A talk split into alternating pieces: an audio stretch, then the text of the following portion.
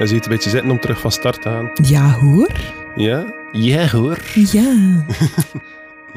Oké, wat dan houden we er meteen invliegen, hè, want we zijn eigenlijk aan het opnemen. Hallo iedereen en welkom bij Graspraak. Hallo allemaal. Zijn jullie niet content dat je ja gezegd hebt, Nicky? Oh ja. ik ben vooral blij dat ik hier alles al klaar heb gezet op mijn gsm ook. Oké, mijn naam is Jens. En ik ben Niki. En ja, dit is eh, de, eerste, de eerste aflevering na de live show eigenlijk. Hè? Yes, en allee, ook al spreken we niet echt in seizoenen, ik denk dat we wel ondertussen aan zo goed als onze derde jaargang nu zitten. Hè? Ja, ehm zijn we zelfs die seizoen 4. Goh, technisch. Ik, ik hou het niet meer bij. Ja, Ja. kom, eh, fu- fuck die seizoen, we doen dat niet meer. Eh, maar ja, ja, we zijn eigenlijk nog maar begin augustus. We gaan dit pas uitbrengen in september. Maar ja, het is een maandje geleden van de live show. Zijn je er al een beetje van bekomen? Oh my god, zotte zeg. Echt, dat was... Wij hebben zo lang op zo'n high gezeten. Dat was niet normaal, hè. Allee, ik denk sowieso... We, we zijn erin gegaan met een ingesteldheid van... Oké, we gaan zien wat dat geeft. En ik denk dat wij echt zo de best case scenario hebben gehad, hè. Dat was echt gewoon een fantastische avond. Ja, ik, ik wist niet wat te verwachten. eh, maar ja, nu ben ik zo op een punt in mijn leven gekomen dat ik applaus en fietsbellen wil voor alles dat ik doe. Dus ja, dat is een beetje teleurstellend dat dat zo niet in de normale hang van zaken is. Zo elke als ik, als ik iemand met zijn fietsbel hoor rinkelen... eh, soms ga ik gewoon binnen op een fietspad lopen, gewoon om dat geluid nog een keer opnieuw te hebben. Zo erg is het.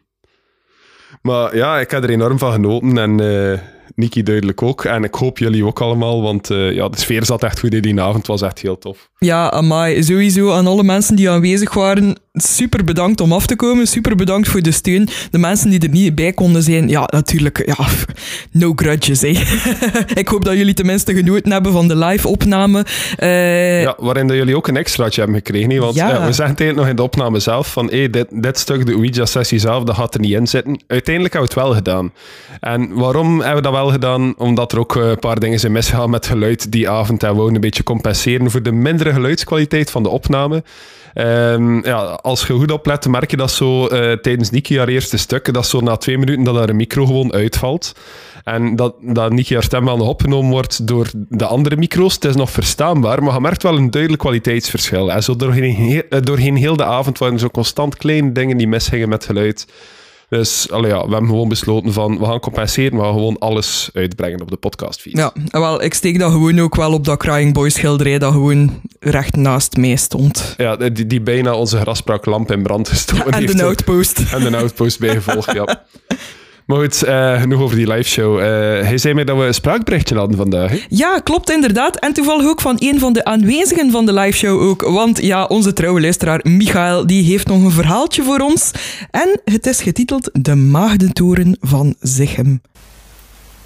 Hoi Jens en Nicky en eh, grafspraakluisteraars. Ik heb een lokaal verhaaltje te vertellen. Ik woon momenteel in Zichem. En we hebben hier iets verder van waar ik woon, is de Maagdentoren. Een monumentje. Ehm, dat was in de middeleeuwen was dat eigenlijk een eh, slottoren die op de, vlak op de grens tussen Brabant, eh het hertogdom Brabant Graafschap Loon lag. Dus Zichem was eigenlijk de stad die op die grens lag. En om die scheidingslijn aan te duiden is die toren gebouwd geweest. Renier II was toen de, de heer van Zichem, die liet die bouwen. Zijn, zijn eh, wapen, dat hangt nog op die toren. Hij heeft een hele belangrijke rol gespeeld in die tijd. Maar in de 16e eeuw zijn de Spaanse troepen hier binnengevallen. Die hebben tijdens het bloedbad, van Zichem hier eh, heel wat schade aangericht, inclusief de toren. Die is eh, bijna voor de helft eh, afgebroken geweest. Doorheen die jaren daarachter is er nog een, een half stuk toren blijven staan. En dat werd door de mensen van Zichem, is dat een Marientoren geweest, of de Markentoren. Op een bepaald moment hebben ze zelfs het, Zichems biervat genoemd. Het ligt allerlei namen. Maar de term Maagdentoren is degene die het langst en het meeste gebruikt wordt. Op dit moment, officieel, zeggen ze nog altijd dat dat is als, als verwijzing naar de Maagd Maria.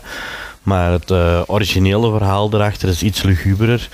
Want die heer Renier II, de heer van Zichem, die eh, had ook een dochter. Eh, die verliefd werd op een van de soldaten. En de heer zag dat niet zo zitten. Die wou liever dat ze een, een mooie, rijke hertog of zo eh, aan, de, aan de haak kon slaan.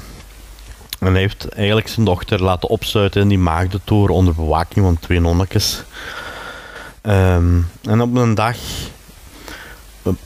wist, kwam de kasteelheer tot besef dat zijn dochter niet zou veranderen. Ze zou verliefd blijven op die soldaten. Ze zou heel haar leven daar blijven opgesloten zitten totdat ze met die soldaat zou kunnen trouwen.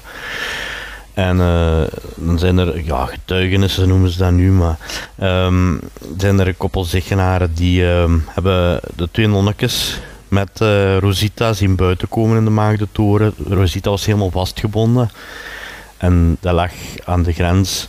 Ja, dat ligt ook aan de Demer hier. De Demer vloeit hierdoor. En uh, dat, ja, het verhaal stopt met een plons in het water.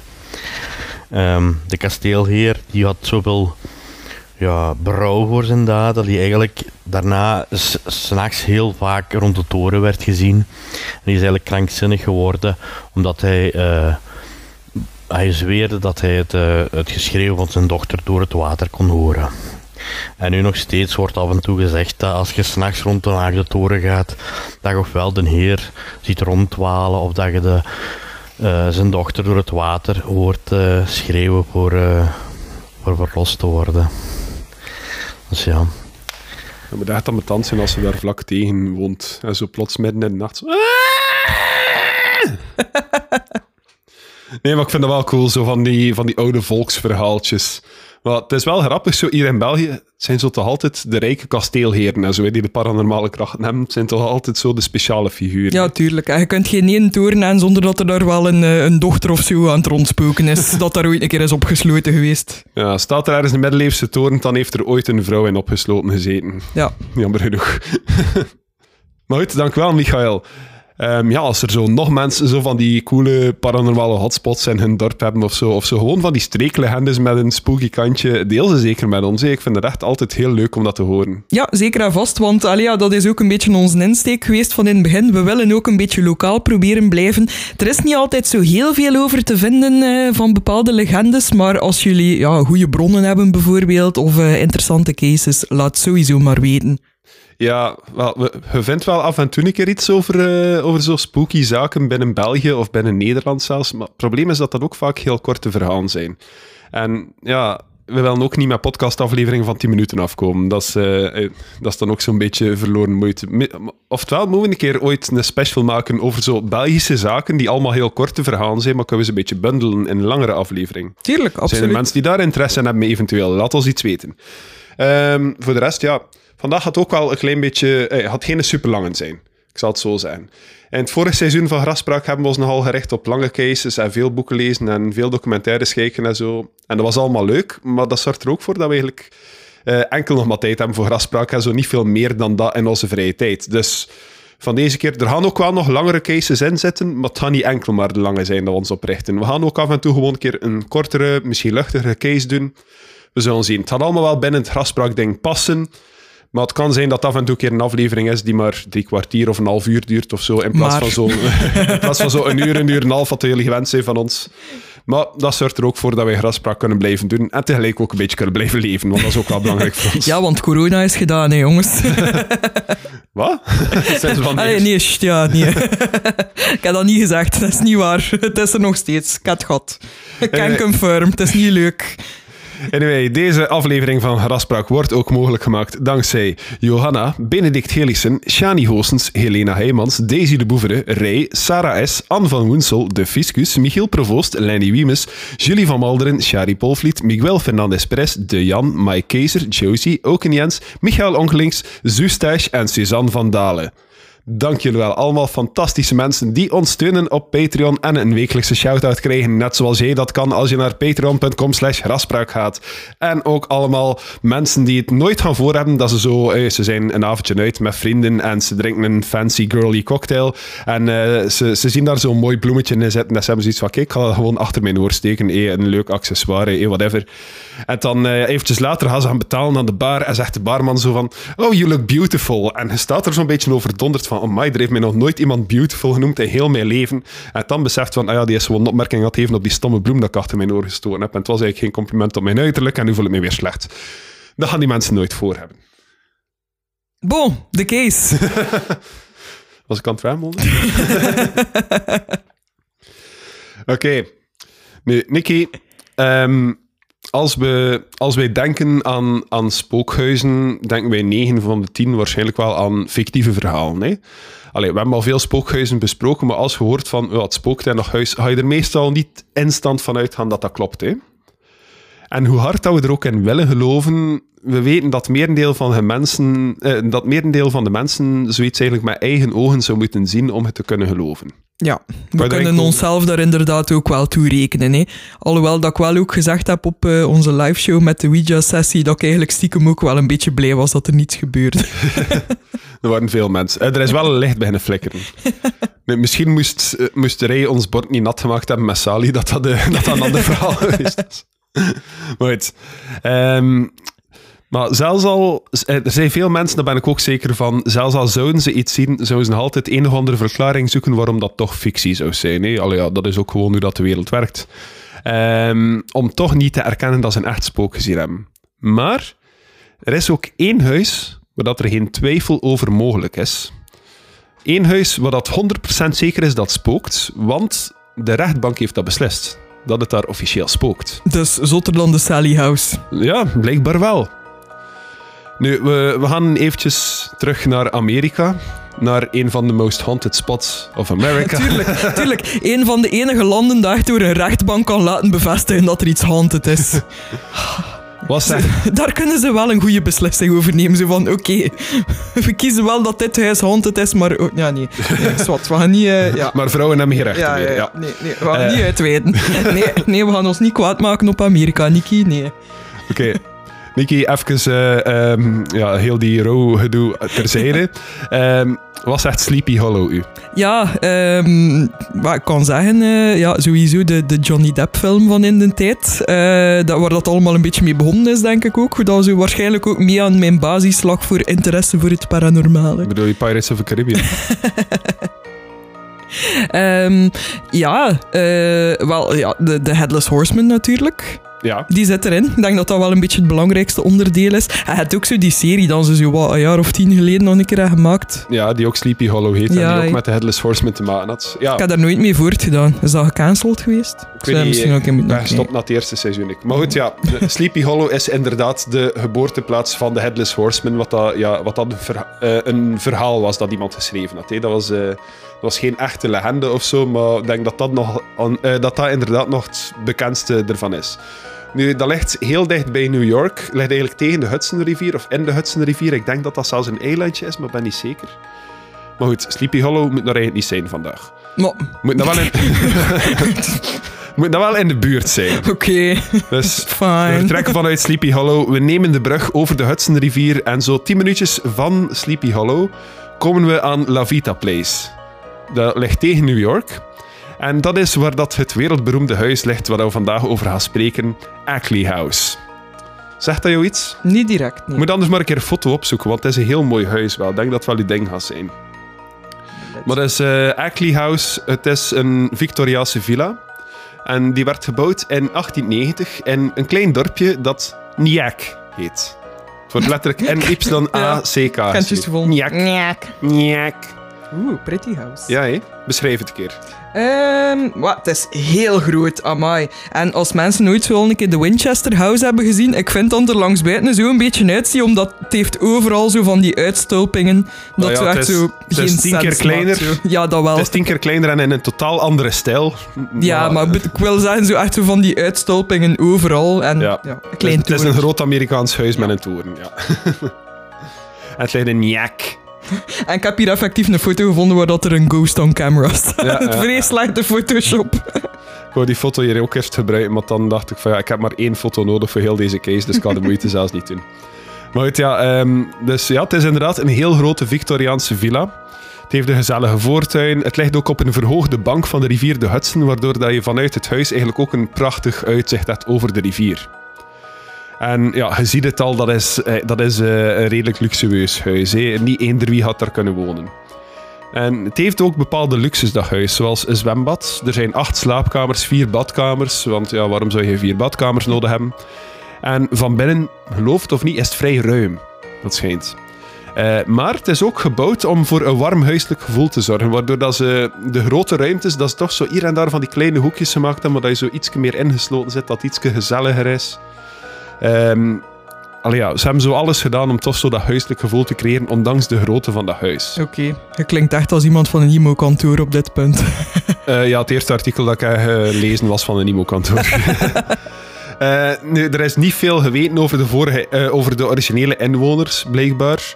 Allee, ja, als je naar de papieren kijkt, hadden we wel namen vinden. Maar wat Meneer daar... Ackley. Ja, voilà. Nee, nee eigenlijk niet. Ehm, maar het huis werd voortdurend bewoond van 1890 tot 1960. En daarna is dat tien jaar verlaten geweest. Nu, in, eh, in de jaren 70 zou het gezin van Helen Ackley daar gaan wonen. Ehm, en het huis zou in 1974 wereldberoemd worden nadat diezelfde Helen Ackley voor het Reader's Digest magazine een artikel schreef eh, getiteld Our Haunted House on the Hudson. Hmm. En daar is het verhaal eigenlijk een beetje begonnen. Nu, in dat artikel, ik heb dat zelf gelezen, er zal ook een link in de casefile staan. Je kunt dat nog volledig opnieuw vinden, met zo, inclusief zo oude reclames dat erin zitten, zo van producten voor huisvrouwen. Even, voor als je vent dit doet en je kind doet dat, heb je dit product nodig. Tuurlijk. Er staat er echt letterlijk in. Eh, maar goed, Ellen vertelt dus hoe dat zij en haar echtgenoot George eh, meteen verliefd werden op dat huis wanneer dat ze het zagen en het samen gekocht hebben. En wanneer dat ze nog aan het verhuizen waren, kwamen de kinderen uit de buurt eigenlijk zo al een keer langs en ze kwamen kijken en ze kwamen vragen, ja, weten jullie dat jullie een spookhuis gekocht hebben? En ja, die nam dat natuurlijk niet zo serieus. Ja, kinderen zeggen soms domme shit gewoon, dus allee, ja, niet naar luisteren. Ehm, diezelfde dag nog zou er ook een loodgieter langskomen. En die vertelde hen tegen de avond dat hij eigenlijk blij was dat er constant iemand in huis was bij hem. Want hij zegt, heel de dag lang heb ik voetstappen gehoord op de trap en op boven verdiept, terwijl ik wist dat er daar niemand was en ik was eigenlijk echt niet op mijn gemak. Elke keer dat ik ging kijken was er ook niemand. Eh, Helen en George die zouden die nacht, ehm, dat was eh, pak een week of twee nadat ze het gekocht hadden, eh, Helen en George zouden dan voor de eerste keer samen slapen. George die sliep daar al even, maar Helen die pendelde constant heen en weer tussen haar vorig huis in Maryland en het nieuwe huis in New York. Dus die had daar nog nooit een nacht doorgebracht. Dus wat, het is haar eerste nacht daar. En ze liggen in bed en plots merkt ze van oei, er brandt nog licht in de gang. En ze wilde opstaan, maar haar man legt zo zijn hand op haar arm en hij zegt van nee, nee, nee, laat het maar dan zo. Maar ja, zegt ze, het licht Mhm. brandt nog. Sinds wanneer slaapt mij met licht aan? En George, wat dat eigenlijk een vrij serieuze mens was, ook een advocaat, die antwoordt heel droog weg. Ja, ze is mijn eerste nacht hier, maar ik wil het er eigenlijk niet over hebben. Snap wel. Oeh. Dus George, die ja, eigenlijk totaal geen scheidluis was anders, die, ja, ik zeg het, een vrij serieuze man, vrij down to earth, een advocaat ook, wou per se met licht aanslapen. Nu, Helen die had zo ook de indruk dat ze de enige leek te zijn die een beetje op haar gemak was in dat huis. Ze hoorde ook wel voetstappen, zei ze, maar ze had er geen slecht gevoel bij. Het gaf haar comfort, dus ze kreeg een goede vibe van whatever dat er in dat huis hangde. Hing. Hing. Ze kreeg een goede vibe van... Dat, weet je wat, ik ga het gewoon niet opnieuw doen. Of hangde. nu, naast de voetstappen waren er wel nog een paar zaken. Ehm, ze vertelde ook over een koord die begon te bengelen terwijl dat er geen wind in huis was en dat plots gewoon stopte alsof dat een onzichtbare hand het vastpakte. Eh, deuren die plots openvliegen, een raam dat opent en sluit uit het niets. Al dat soort zaken kwamen ze af en toe aan een keer tegen. Helen omschrijft ook een moment waar dat ze alleen thuis is. En ze staat door een raam naar buiten te kijken en te genieten van, ja, van de Hudsonrivier, van het mooie uitzicht. En plots krijgt ze kippenvel over heel haar linkerkant. En ze voelt precies iets dat naast haar staat. Iets of iemand. Nu, ze kijkt niet om, maar ze blijft gewoon staren naar de rivier. En ze blijft dat gevoel krijgen. Eh, Echt, ja, over heel haar lijf, heel haar linkerkant heeft ze dat kippenvel. En ze voelt gewoon van, er is hier iemand naast mij. Ik kan die persoon niet zien, maar die staat hier wel. En ja, ze, ze kijkt niet echt om, maar ze maakt gewoon een opmerking van, ja, het is wel echt een prachtig uitzicht hier. En ze babbelt zo nog even gewoon over, over de praktische dingen, over het uitzicht dat ze ziet, over hoe mooi dat allemaal is. En ze merkt dat haar kippenvel terugtrekt. En ze voelt ook geen kwaadaardigheid in whatever dat ernaast haar staat. Ze voelt nog altijd een aanwezigheid, maar ze krijgt geen slecht gevoel ervan. En die figuur die blijft gewoon naast haar staan. Opeens draait zij haar om en wandelt ze doorheen de kamer en ze voelt dat die figuur haar ook volgt, dat hij naast haar blijft. Dus ze gaat richting de deur en ze draait daar naar waar dat ze ongeveer denkt dat die entiteit is. En ze zegt, ja, bedankt om het mooie uitzicht met mij te delen. Ik ga nu gaan slapen. En ze gaat de kamer uit en die figuur heeft, heeft daar gelaten. Heeft er laten doen. Tot nu toe wel een van de meer sympathieke spoken dat we al zijn tegengekomen. hè. Zo van, ik ben hier, ik wil gewoon meedoen in het huishouden, maar ik heb eigenlijk geen slechte intenties. Misschien is dat gewoon de manier om ermee om te gaan. Misschien hebben al die spoken altijd al zoiets had van... Jesus, al die obnoxious ghost hunters. Respecteer ons een keer gewoon. Sla je gewoon een babbelke met ons? Is dat nu zo moeilijk? Ja, praat tegen mij alsof dat een mens ben. Oh, ja. Ja. Het is niet zo ingewikkeld, hè, jongens. Ghosts just want affection too. Ehm, Ghosts are just people. nu, het, waren, eh, het waren de jaren 70, dus ze hadden ook redelijk wat kinderen, die twee. Eh, en eh, hun oudste dochter, Cynthia, die ik denk 15 was op dat moment, vertelde ook over fenomenen dat zij meemaakte. Ze zegt, elke ochtend op hetzelfde uur begint mijn bed te trillen. En als ik niet opsta, dan begint het harder en harder te trillen, alsof dat er iemand aan mijn bed staat te schudden. Ze was ook niet echt bang, net als haar moeder, als ze precies geen slecht gevoel erbij. Ze wou gewoon graag een beetje langer in bed kunnen blijven liggen. Ehm, nu, wanneer dat kerstvakantie was, eh, ze had dat idee ook met haar moeder gedeeld, maar ze heeft het effectief geprobeerd. Heeft ze gewoon luid op haar, op- in haar kamer gezegd van kijk, het is vakantie nu, ik zou graag een beetje langer in bed kunnen blijven liggen. En effectief, in die twee weken kerstvakantie heeft dat bed niet getrild. Zalig. En zodra dat, eh, dat school terug begon, begon dat weer te trillen. De max. Nu, dan enkele maanden later, eh, in de zomer, waren ze bezig met verschillende renovatiewerken en schilderwerken. En Helen die vertelt over eh, ja, deuren en ramen die open en dicht gaan en ook het gevoel van bekeken te worden terwijl dat ze bezig zijn. Gewoon constant zo ogen op hun rug voelen. En op een punt, zegt ze, was ik bezig in onze veranda en plots hoor ik de schommelstoel die daar staat, die zo begint te kraken, die aan het wiebelen is. En ik draai mij om en ik zie daar eh, een figuur zitten en glimlachen. Het was een kleine, oude, grijze man met een kalend hoofd. eh, ja, die gewoon met een heel vriendelijk gezicht naar mij aan het kijken was. En ze beschouwde dat als een voormalige eigenaar die eigenlijk gewoon met tevredenheid in zijn gezicht aan het kijken was hoe dat zij dat huis aan het renoveren waren. En ja, ze zag die gewoon glimlachen en stilletjes begon die te verdwijnen. Gewoon onzichtbaar te worden terug. Dat is de enige manifestatie, zegt ze, dat zij ook gezien heeft. Maar Cynthia, haar dochter, die zou soms ook een figuur zien. Ze zegt van soms zag ik een dun figuur met een kap aan het voeteinde van mijn bed staan. En ze is er vrij zeker van, zegt ze, dat dat een vrouw was, maar ze heeft ze nooit zonder kap gezien. Nu, door de jaren heen zou er wel van alles gebeuren. Eh, deuren die niet dicht blijven, ook al waren ze heel goed dicht gedaan. Stemmen die uit lege kamers komen. eh, soms zelfs bezoekers die waarschuwingen krijgen van disembodied voices. De stemmen uit een lege kamer gewoon. Eh, en één keer zou George bezig geweest zijn in de tuin en hij had daar een ham sandwich klaarleggen. Klaar liggen. En wanneer dat hij zijn lunch gaat gaan halen, is zijn ham sandwich weg. hij beschuldigt zijn gezin ervan, maar ja, die weten ook allemaal niet wat, dat zijn, wat dat zijn boterham naartoe is. Maar ze zijn dus wel tot de vaststelling gekomen dat zelfs een spook niet kan weerstaan aan een hoestute met resp. Oh. Ja, oké, maar ik heb hier al zo een, een slechte B-film horror eh, scenario in mijn hoofd zitten nu. Ik, eh, ik heb zoiets van dat dat gewoon die een janitor of die een loodgieter gaat zijn. Dat gewoon zo geheim onderaardse gangstjes heeft, dat weet ik veel wat. En zo van die crawl spaces. En dat hij gewoon dat huis voor zichzelf wil houden. Zo'n hoop tieners met een hond die hem komt. Nu, In eh, 1974, dus het jaar dat Helen dat artikel ook geschreven heeft, zou eh, haar neef Alfred en zijn echtgenote Ingrid ook komen logeren. En Ingrid die zou plots wakker worden s'nachts door het geluid van iemand die door de kamer loopt. En ze kijkt en ze ziet een man, zegt ze, in een legeruniform van tijdens de Amerikaanse revolutie rondlopen. Hij zou tot aan het voeteinde van het bed komen en met zijn rug naar haar komen zitten, zonder iets te zeggen. En ze voelde effectief de matras zo inzakken, alsof dat er iemand op zit. En die figuur die haalde een boek uit, begon dat te lezen en die verdween ook. Nu, Helen vertelde ook nog dat ze soms zelfs cadeautjes gekregen hebben van hun spoken. Ehm, op de dag dat Cynthia trouwde, vonden ze een zilveren grijptangetje. For whatever reason dat je het nodig hebt, maar vonden ze dat plots in huis, terwijl dat ze heel zeker waren dat ze dat nooit in huis hadden gehad.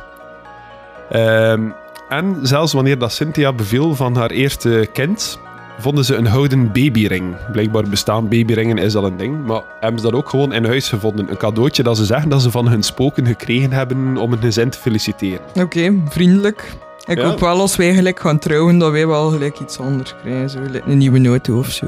Ja. Als Just manifesting it here. als we spoken luisteren, een nieuwe auto, een eigen huis, een plek onder de zon. Ehm, dat is PlayStation allemaal 5 voor Jens. Voilà, of een Xbox One Series X. Allemaal welkom. Ehm, nu ja, Helen die spreekt eigenlijk over haar spoken alsof dat haar vrienden zijn. En haar artikel sluit ze zelfs af met de vraag of, dat ze, eh, of als ze ooit zou verhuizen, of dat ze die spoken zouden kunnen meenemen. Eigenlijk was ze zou ze graag meenemen. Zij beschouwt het echt als heel positieve entiteit. Oh, ik denk dat Helen een keer dringend wat meer moest buitenkomen. Nu, we gaan 15 jaar vooruit in de tijd, naar 1989. En daar zouden de Ackleys proberen om hun huis te verkopen. Ze wouden naar een kleiner huis gaan. Eh, Helen en George waren intussen ook al een beetje ouder. De kinderen waren uit huis. Ze hadden geen behoefte meer aan dat grote, prachtig huis aan de Hudson. Dus ze wilden dat verkopen. En ze hadden een jong koppel gevonden en die waren erg geïnteresseerd. Nu, zowel Helen als haar kinderen zouden zeggen dat Helen meerdere keren aan dat koppel vermeldt van kijk, het spookt in dat huis. Effectief, wij maken al jaren dingen mee, er zitten spoken in dat huis. Helen wou het contract zelfs niet ondertekenen, zegt ze, zonder dan nog een keer te benadrukken van jullie begrijpen toch zeker dat hier spookt. Goed. Eh, dus dat koppel ondertekent dat contract, ze betalen het voorschot. En dan beweren ze dat ze eigenlijk via derden hebben moeten ontdekken dat dat spookt in dat huis. Hm. En dat ze er niet in geloven, maar dat ze wel weten dat dat veel kan doen met de waarde van je huis.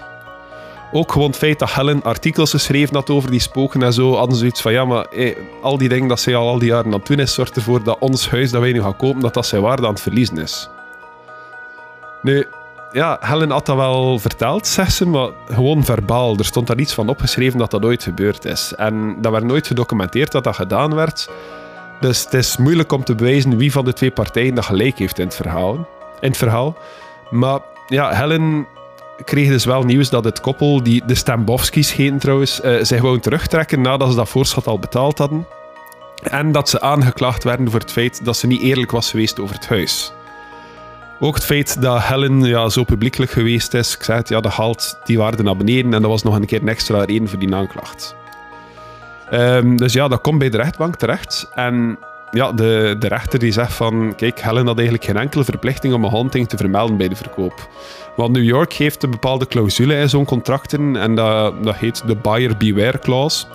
Wat dat je gewoon zegt van als koper is het eigenlijk jouw taak om jou te informeren over wat dat je koopt. Hij moet weten waar dat je geld in steekt. Oké. De, de verkoper moet bepaalde dingen wel weergeven, zoals materiële schade en zo, maar andere zaken valt eigenlijk niet meer onder die buyer beware. Ehm, dus ja, het is eigenlijk de verantwoordelijkheid van de koper, zegt de rechter. De Stambowskis die zouden dat niet zomaar laten gaan en eh, die brengen die zaak voor de New York Supreme Court, dat er meerdere rechters moesten beslissen, zo het hoogste gerechtshof van New York. En drie rechters hebben dus zitten debatteren over deze zaak. En die kwamen tot de conclusie van, ja maar ja, die buyer beware clause, die helde eigenlijk niet, want het gaat niet over een fysiek mankement. Helen had eigenlijk wel de verplichting om dat te zeggen. En ja, de, de rechter ging er ook mee akkoord dat Helen's artikels en verhalen invloed hadden gehad op de waarde van de prijs, eh, op de waarde van het huis. Dus ja, de rechter besloot van, eh, dat was het officiële verdict van Helen, had moeten zeggen dat het spookt in dat huis. Waarbij dat de New York Supreme Court dus ook besloten heeft dat het officieel spookt in het Oh Ackley House. God. Zijn maar een keer de rechter dat die uitspraak moet doen. Ja, wel, die, die uitspraak heeft zo ook een naam. Ik denk dat zo de, de, de, de ghostbusting eh dinges heet. Ik weet niet meer wel. Ja, het met Ghostbusters te maken, al sinds. maar goed, ja. Intussen is dat huis al meerdere keren van eigenaars veranderd. Maar geen enkel van de latere eigenaars heeft nog gesproken over de spoken eigenlijk. Het zijn enkel maar de Ackleys die voet bij stuk gehouden hebben van het spookte daar wel Maar het blijft wel op contract staan, zo gezegd, dan dat dat huis nog altijd officieel gehandeld is. Eh, ik denk Neem dat het intussen wel nog altijd in dat contract zal staan. Ja, ik denk dat het niet anders zal kunnen. Maar goed, ja, dat was eigenlijk zo'n beetje eh, mijn case. Ik had gezegd, het is een vrij beknopte vandaag, maar ik vind het wel een leuk verhaal, omdat zo, ja, ik zeg het, de eerste keer, of de enige keer zelfs dan de rechtbank erkend heeft dat echt er gespookt. Ja, en ik vind het sowieso ook wel een boeiend thema. Want gelijk in Amerika is dat wel, ehm, dat er wel heel veel wordt aangegeven wanneer dat zo gelijk een murder house is ook of zo, hè. Ja, ik denk dat het een dat het dan moet vermelden. Ja. Ook omdat dat zo'n invloed heeft op de prijs van je huis. Hè. Absoluut. Ja, ik kan mij echt nog levendig herinneren. Ik weet zelfs niet of dat, dat huis nog te koop staat, maar dat heeft zo vorig jaar een hele tijd zo viral gegaan. Dat er een huis te koop stond. Op het eerste gezicht leek dat super normaal. Hè? Als je zo al de foto's doorging, hè? keuken, slaapkamer, weet ik veel wat. En hoe verder dat je in die fotoreeks ging, hoe verder dat je te weten kwam dat, dat er een kelder naar beneden was en dat er daar een hele rij cellen waren. Met tralies voor. ja. Ik ga proberen of ik dat nog kan terugvinden. Ik denk dat dat ooit zelfs in de grafspraak community heeft gestaan, maar ik vond dat echt ongelooflijk. Ja, Waarschijnlijk, boeiend ja. eigenlijk. You freaks keep posting weird shit. And that's why we love you. Ja. Maar goed, ja, dat was dus de, dat was dus de Ackley House, Nicky. Wat denk je er zelf over? Ehm, ja, ehm, ja, ik zeg, het blijft voor mij inderdaad ook een beetje eh, de, de misschien-kant. Hè. Eh, ja, aangezien dat Helen allee, ja, daar effectief over schreef in de Reader's Digest, kan het alweer zo een beetje zijn van dat ze daar wel een beetje heeft bij gebenefit om een beetje ja, bekendheid te krijgen en zo natuurlijk. Dus ja, in hoeverre moet je dat dan inderdaad nog gaan geloven? Eh, ik wil ik sowieso altijd mensen wel een beetje de voordeel, het voordeel van de twijfel geven. Hè. Maar ehm, goh, ja, nee. Ik ga het misschien toch op een nee houden, omdat ik ook gewoon denk van eh, die Jenner heeft er misschien ook wel iets mee te maken. ik blijf bij mijn slechte horrorfilm-theorie. Oké, vertel me, oké, hoe kan een janitor zorgen dat hij onzichtbaar naast iemand aan een raam Ja, staat? oké. dat- het- ik weet niet. Misschien was hij al bedreven in hologrammen maken of zo. ik bedoel, het was al de jaren 70. Star Wars had dat al gedaan. Dus. Eh, ja, maar het was voor Star Wars. want Star Wars is van 1977, Nicky. Wat dat Dat jij was- zou moeten weten. dat was al in productie waarschijnlijk. Zo'n film duurt even om te maken. Hè. Ah ja, dus een random janitor eh en, en Nyang, die, die had dat weten. Misschien zat hij in die crew van Star Wars. Ja. Was hij de janitor van Star Wars. Oké, leg mij dan een keer uit waarom dat wel kan. Omdat er een spook zat. Spook en slechte isolatie. Maar bon, ik weet niet of dat wij dat al besproken hebben, maar stel nu dat wij echt serieus gaan beginnen house hunten en je komt te weten dat, dat wij een heel mooi huisje op het oog hebben, maar dat het daar ook spookt. Wat zou je dan doen? Een derde micro kopen, denk ik. Zou die op je gemak voelen? Zou je de stap wagen om te kopen? Ik zou, ik zou eerst keer goed spreken met de vorige bewoners van... eh, De levende of de, of de niet levende? Ja, ik zou moeten weten van, ja, is, is een spook dat ermee kan omgaan, of is het een die, die, die uw rief kapot maakt en uw elektriciteit verstoort? Ah, zolang dat ze niet aan mijn elektriek en mijn internet komen, ben ik het niet zo moeilijk. Hè. En u eten. Ja, mijn eten. Dat ook wel. Ja, nee, ik zou het eigenlijk wel een kans durven geven, zolang dat niet zo'n malicious haunting is die, die echt een slechte invloed gaat hebben op mij. Oh, misschien zouden ze zo moeten maken dat je zo een keer een proefdag kunt doen. Zo letterlijk echt een dag en een nacht. Zo een keer 24 uur Ja. erin leven, gewoon om de feel te krijgen van het huis. Gewoon om te zien of dat klikt, eigenlijk. Misschien moeten wij gewoon een Haunted House emo-kantoor opstarten. Oh ja. Oh my god. Oké, als er iemand luistert dat in de immobiliënsector zit, één, steel ons idee niet en twee, help ons. Ja. Want dan worden we, eh, dan worden we ook zo... eh, Dan worden we niet zo'n soort imo-kantoor dat van zodra dat je contract getekend is, dat ze niet meer keren. Nee, Allee, ja, wij- nee, wij, wij steunen onze huurders en eh, ja, we gaan jullie niet ghosten. we helpen met CA's en al. We gaan geen twee maanden wachten om op een e-mail te reageren. Dus we worden geen typisch imo-kantoor. Fuck typische imo-kantoren trouwens. Anyway, ik weet, het is een kort verhaaltje geweest vandaag. Maar ik heb ook nog een, eh, een, nog een klein extraatje. Gewoon omdat ik zo een keer paranormaal nieuws heb opgezocht. Ik kijk af en toe een keer van wat is er in de laatste weken gebeurd. Maar ik heb zo wel een leuke anekdote gevonden. Ehm, het is iets dat ook een beetje van op Twitter komt eigenlijk. Van eh, een vrouw die Elise Bryant heet. En eh, het artikel eh, vertelt over Elise die eigenlijk eh, ja, die hysterisch begon te lachen nadat, nadat ze de rugzak van haar dochter had opengedaan voordat ze op roadtrip ging vertrekken. Ze wou zien wat dat haar dochter allemaal had ingepakt. Ehm, en er zaten zo verschillende dingen in. Onder andere knoflook, eh, een kaars, zout, salie. Allemaal dingen die haar zesjarige dochter eigenlijk zei die ze mee had om tegen monsters te kunnen vechten. Het zal wel zijn. Ja, voorbereid. Ja. Supergoed. Preparation is key. She's gonna go far in life. Dus ja, die ging een, eh, een roadtrip van vijf dagen naar California doen. En eh, ze zei, ja, ik, ik vond dat. En ja, het was dus de Monster Hunting Kit van mijn dochter. Ehm, en ja, wat zat er daar allemaal in? Dus aluminiumfolie dat ze als zilver beschouwden voor moest ze een weerwolf tegenkomen.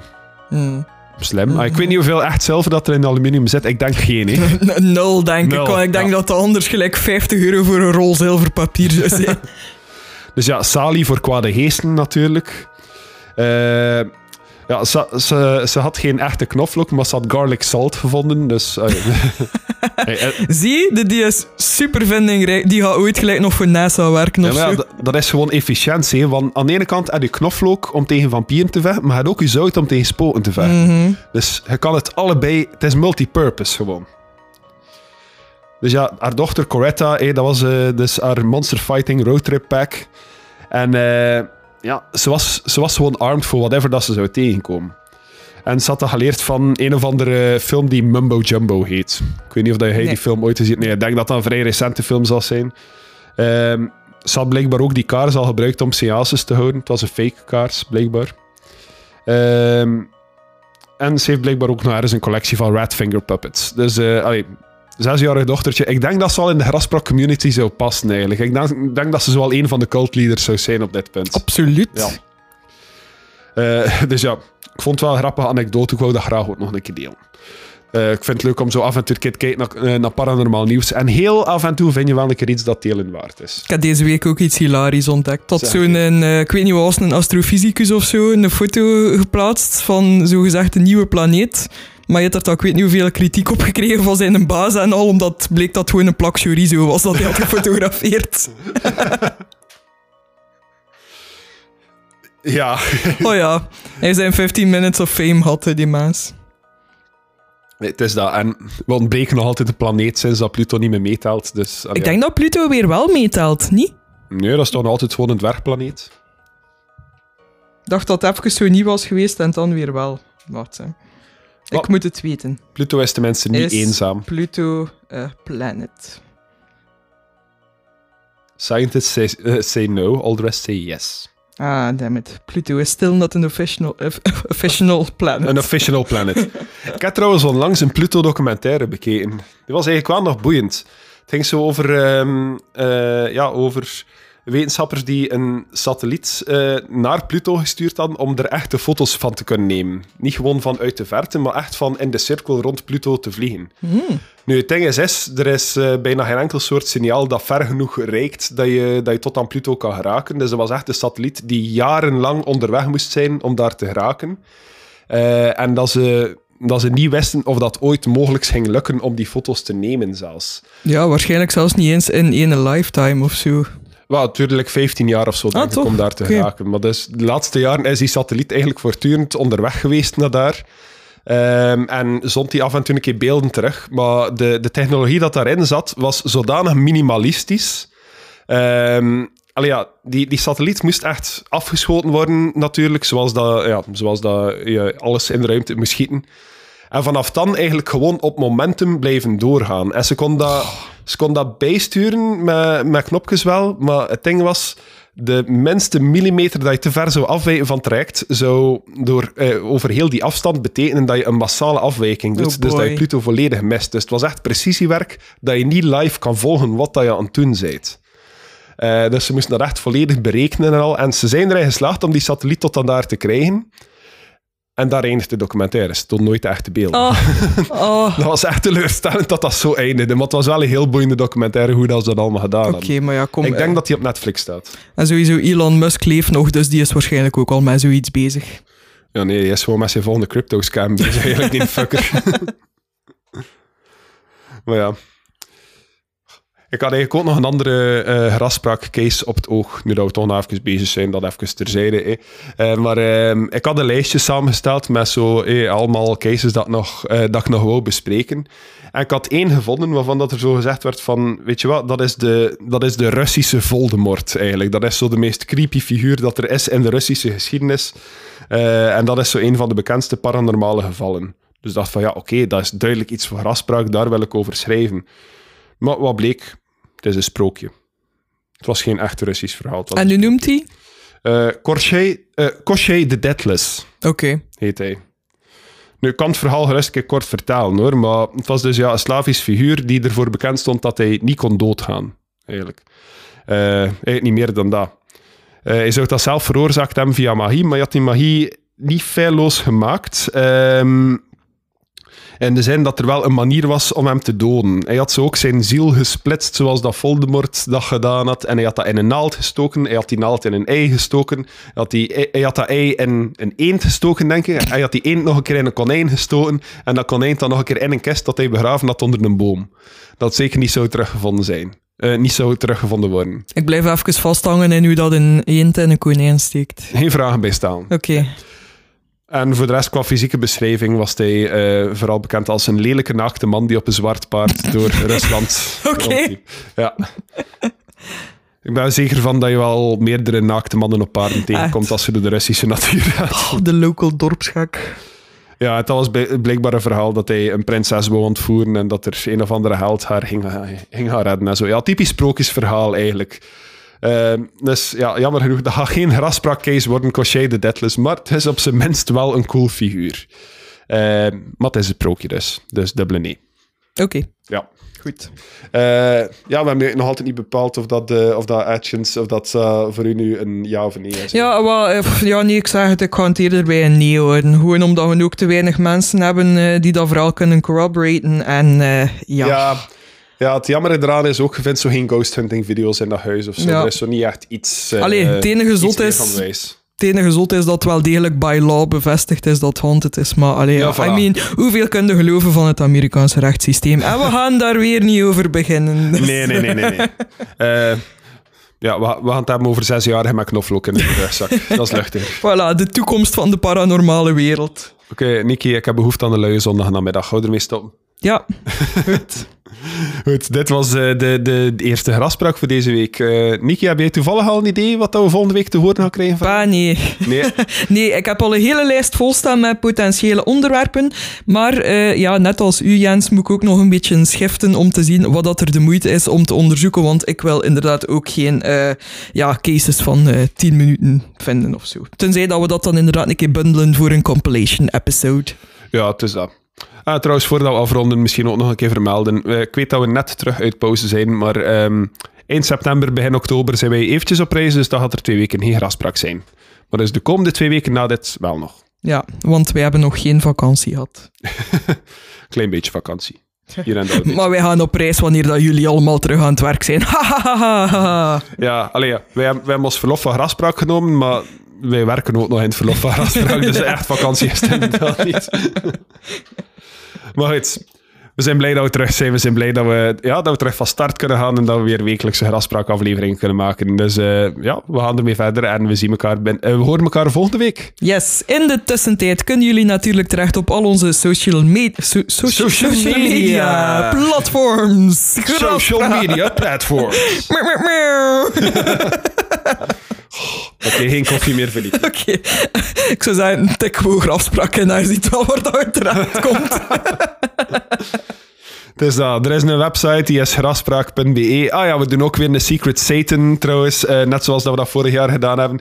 Uh, je, kan die, uh, je kan die vinden op onze website ook. Er staat een knopje met Secret Satan waar je kan inschrijven als je een cadeautje wil sturen naar iemand binnen de Graspraak community en zelf ook een cadeautje ontvangen. Ja, liefst voor 1 oktober ingeschreven zijn, want vanaf dan beginnen wij de namen aan iedereen door te geven. Ja, maar wel enkel inschrijven als je ook effectief van plan bent om zelf een cadeautje op te sturen. Als we zien dat er mensen zijn die een cadeautje ontvangen, maar zelf geen opsturen, dan gaan die niet meer welkom zijn. Dat komen wij persoonlijk in elkaar slaan. Wat? Nee. Heb je net een dreigement opgenomen naar onze fans? Ik zou niet durven. Hashtag cancel, Nikki. Oh! Ze staat gewelddadig. Ja, ik had te veel koffie binnen, het is waar, sorry. Ja. Ik zit hier met de jitters. Jerry Nicky. Zo noemen ze wel een keer. Goed, eh, eh, ja, je- eh, waar kan je Graspraak zoal beluisteren? Eh, we staan op Spotify, we staan op iTunes, we staan op alles eigenlijk. En we vragen ook, als je platform naar keuze gevonden hebt en je vindt Graspraak erop, dat je daar ook abonneert of een rating heeft of whatever dat je kan doen eigenlijk om ons hoger in de rankings te helpen. Want dat helpt ons allemaal, dat zorgt dat wij kunnen groeien. Dat zorgt dat meer mensen ons ontdekken. Want ja, als je dat niet doet, kan het wel een keer gebeuren dat er een of andere creepy janitor begint rond te spoken in je huis met de bedoeling om, dat, om die waarde te doen dalen, zodat hij het vroeg of laat een keer zou kunnen kopen. En ja, dat wil je, dat wil je elkaar toch niet aandoen, hè? of jezelf toch niet aandoen. Dus geef gewoon die rating, doe gewoon wat je kan. Eh, goed, nog een keer bedankt aan iedereen die erbij was op de live show, iedereen die geluisterd heeft en iedereen die hier vandaag nu aan het luisteren is. We vinden jullie allemaal fantastisch en we zijn heel blij om terug te zijn. Dit was Graspak voor deze week. Tot volgende week. Bye.